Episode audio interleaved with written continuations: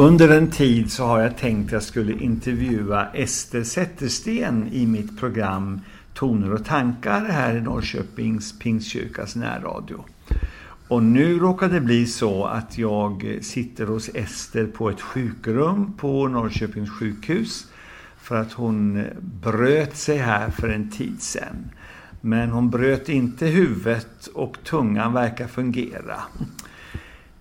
Ester, vad kul att jag får träffa dig och ställa lite frågor till dig och be dig berätta. Ja, jag tycker det är roligt. Alltid att träffa dig. Tack ska du ha. Sättersten, ditt efternamn är ju ett ovanligt namn. Eh, var kommer du ifrån och hur kommer det sig att du har Norrköping som en stor och viktig del av ditt liv och din bakgrund? Zettersten är ett gammalt namn och kom, vi kommer uppifrån Dalarna. Och eh, det är inte så vanligt, men det finns några släkt, olika släkter, Zettersten. Och, och eh, att jag kom hit berodde väl Ja, jag fick se en annons om att eh, det fanns en plats här i Norrköping och tyckte att det var roligt att åka tillbaka hit eftersom jag har varit här mycket i min ungdom. Och det var egentligen det som jag är ute efter att du skulle berätta om för att din far Birger Zettersten mm. som var en av de kända pastorerna i pingstväckelsen. Ja. Han var ju pastor i pingstkyrkan som både du och jag tillhör nu. Eh, hur gammal var du när ni bodde här därför att din pappa fanns här? Berätta lite om den tiden. Eh, vi, jag kom här för, eh, hit ner tillsammans med min familj när jag var två och ett halvt år. Och då mm, var pappa pastor här i en församling som inte hade någon lokal annat än en eh, fabrikslokal. Och den låg i närheten av din, dina morföräldrars hem. Och sen eh, så blev det arbetslöshetstider. Och under den tiden så tyckte pappa att det var synd om alla de här människorna som inte hade någonting att äta. Så att han ordnade med bespisning uppe i den här fabrikslokalen. Och eh, för att få ihop till det så samlade de, det var fatt, väldigt mycket fattiga människor, så de samlade ihop porslin. De samlade ihop handdukar och torka efter disken och sånt. Och de eh, fick försöka få ihop då till mat. Sen eh, gick, pågick det där ganska länge och då var det en fabrikör i eller någon som sålde matvaror, eh, gross, grossist, som ringde, eh, som skickade upp matvaror. Och pappa ville inte ta emot det för att han sa att han hade inte beställt det. Men eh, så fick han kontakt med honom och han sa att han ville skänka och så skänkte de varor till det här. Och under en ganska lång period så var det folk som kom upp och åt. Eh, vilka år ungefär kan det här rört sig om? Kan du placera det i tid? Jag skulle kunna tänka mig omkring 35. Ja. Hade församlingen ingen kyrkolokal alls att vara i under de där åren då din pappa var pastor och ni höll på med den här matutspisningen? Eh, under den tiden så var, låg den högst upp i en fabriksbyggnad. Och eh, där fanns det en lokal som användes.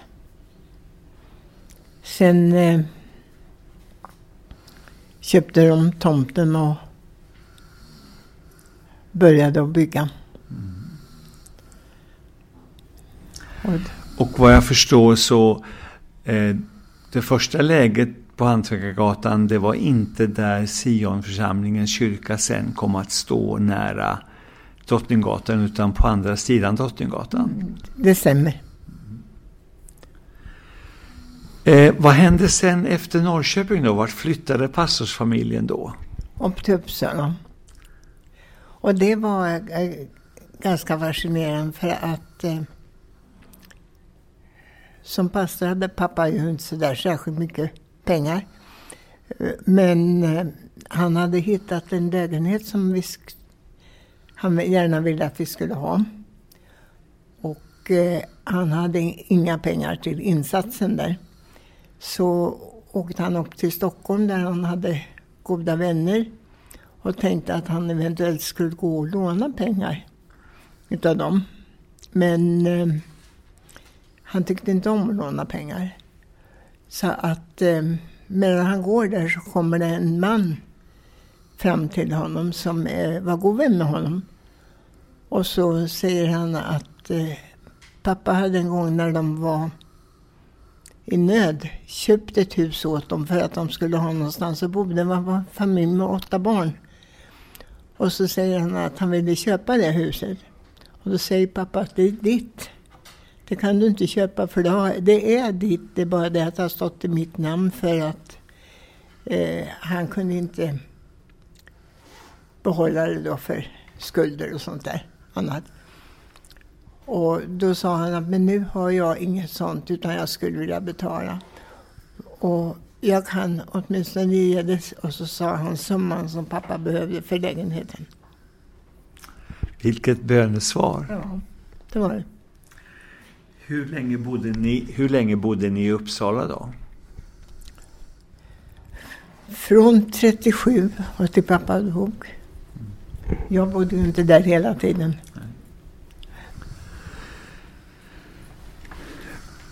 Säg lite ärligt.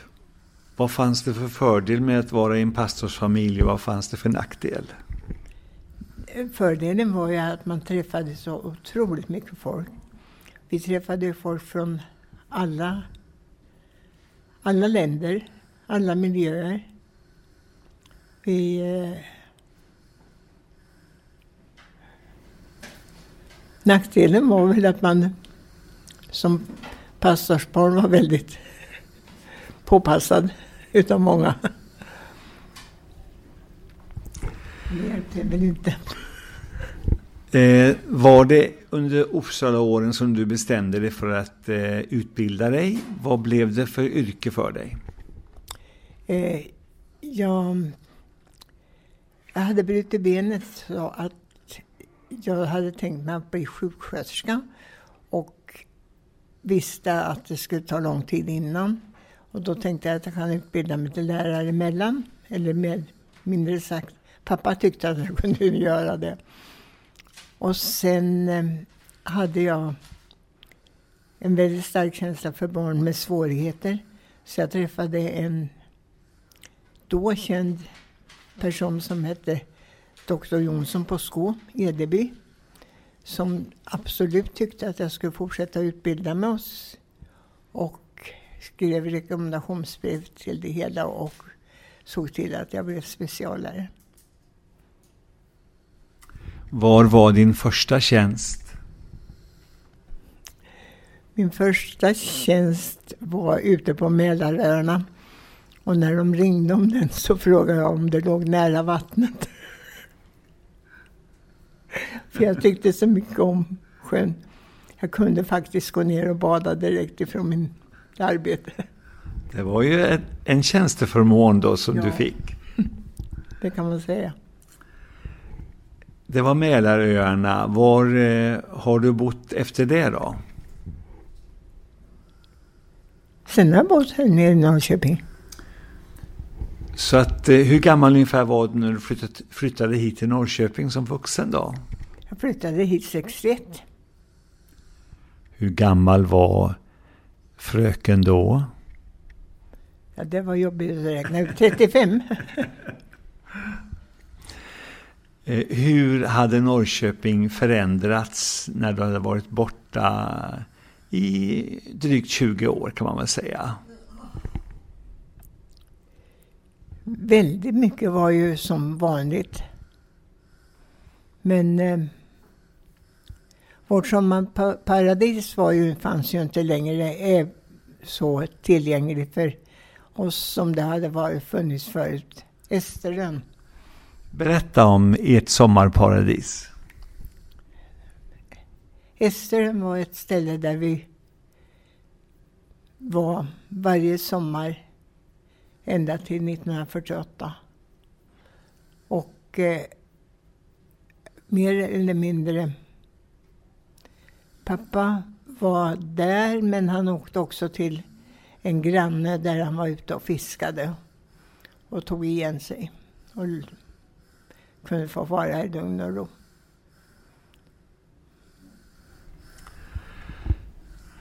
När du kom tillbaka till Norrköping, var det lätt att komma in igen? Eh, kom du i kontakt med församlingen här på en gång? Ja, det gjorde jag.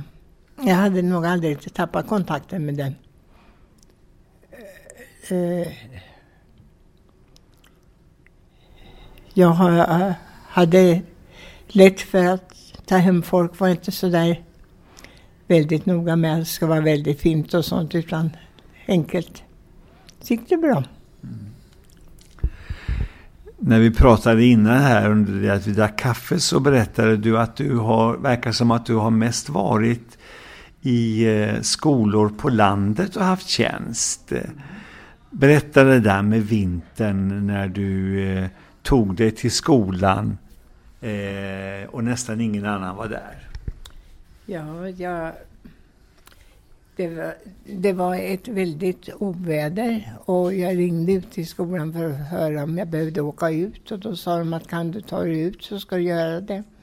Varpå jag åkte ut med bilen och när jag kommer ut så fanns det inga bilar som gick ut dit och inga bussar, inga lärare, inga barn, inga elever alltså.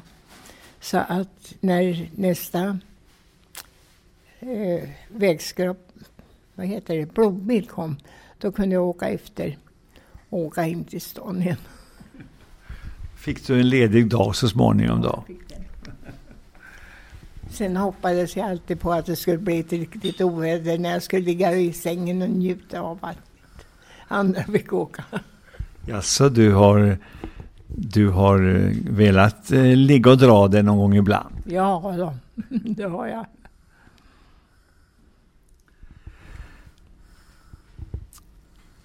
Det blev aldrig sjuksköterska för dig. Har du ångrat det? Nej, genom att jag blev speciallärare så fick jag ju väldigt mycket av den, det som jag hade tänkt att göra som specialsjuksköterska för barn. Fick jag ju då i, ta hand om i skolan istället. Jag vet ju lite grann om din familj, men berätta själv, dina syskon, hur många var ni och lite grann eh, vad de har sysslat med under livet? Ja, Paul den äldsta, han, han har... Han, han åkte efter studentexamen över till Amerika. Och eh, kom så småningom att bosätta sig där borta. Och han blev pastor och har varit i Los Angeles och Seattle. Och min eh, syster hon arbetade på slottet i Uppsala. Så att, och med kontorsarbete och har blivit kvar i Uppsala under sitt liv och har en dotter som bor där nu. Sen är det Per då han, eh, när, efter sin studentexamen åkte han över och så läste han på dagarna till lärare där borta. Och på nätterna jobbade han för att få sitt äh, pengar. För att klara av sin ekonomi, sin familj. Och Per, han har varit en rätt så känd eh, andlig sångare kan man väl säga också? Det kan man säga, ja. Har han rest mycket i USA? Han har inte rest så mycket men han tycker fortfarande om att sjunga. Han sjunger med i en kör. Och eh, på lite sådana här större saker och tycker att det är väldigt roligt. Mm. För mig personligen är det lite kul att du har stått eh, eh min familj nära. Kanske framförallt på min mammas sida. Mm. Källmarkarna. Eh, de som är gamla pingstvänner känner väl till Jörgen och Harry Källmark som var eh, aktiva i pingströrelsen. Och eh, min mamma är ju deras syster, var deras syster Britta och hon var missionärsfru och missionär i Kina och Indien. Har du något trevligt att berätta från kontakten med Kjellmarksfamiljen? Den, det var alltid otroligt trevligt att träffa någon av Kjellmarkarna. Och jag kommer ihåg när eh, Karin jobbade ett tag i Uppsala och hon kom hem till oss och vi firade kobans födelsedag med att få så kallat källmarkskaffe med mycket godsaker till.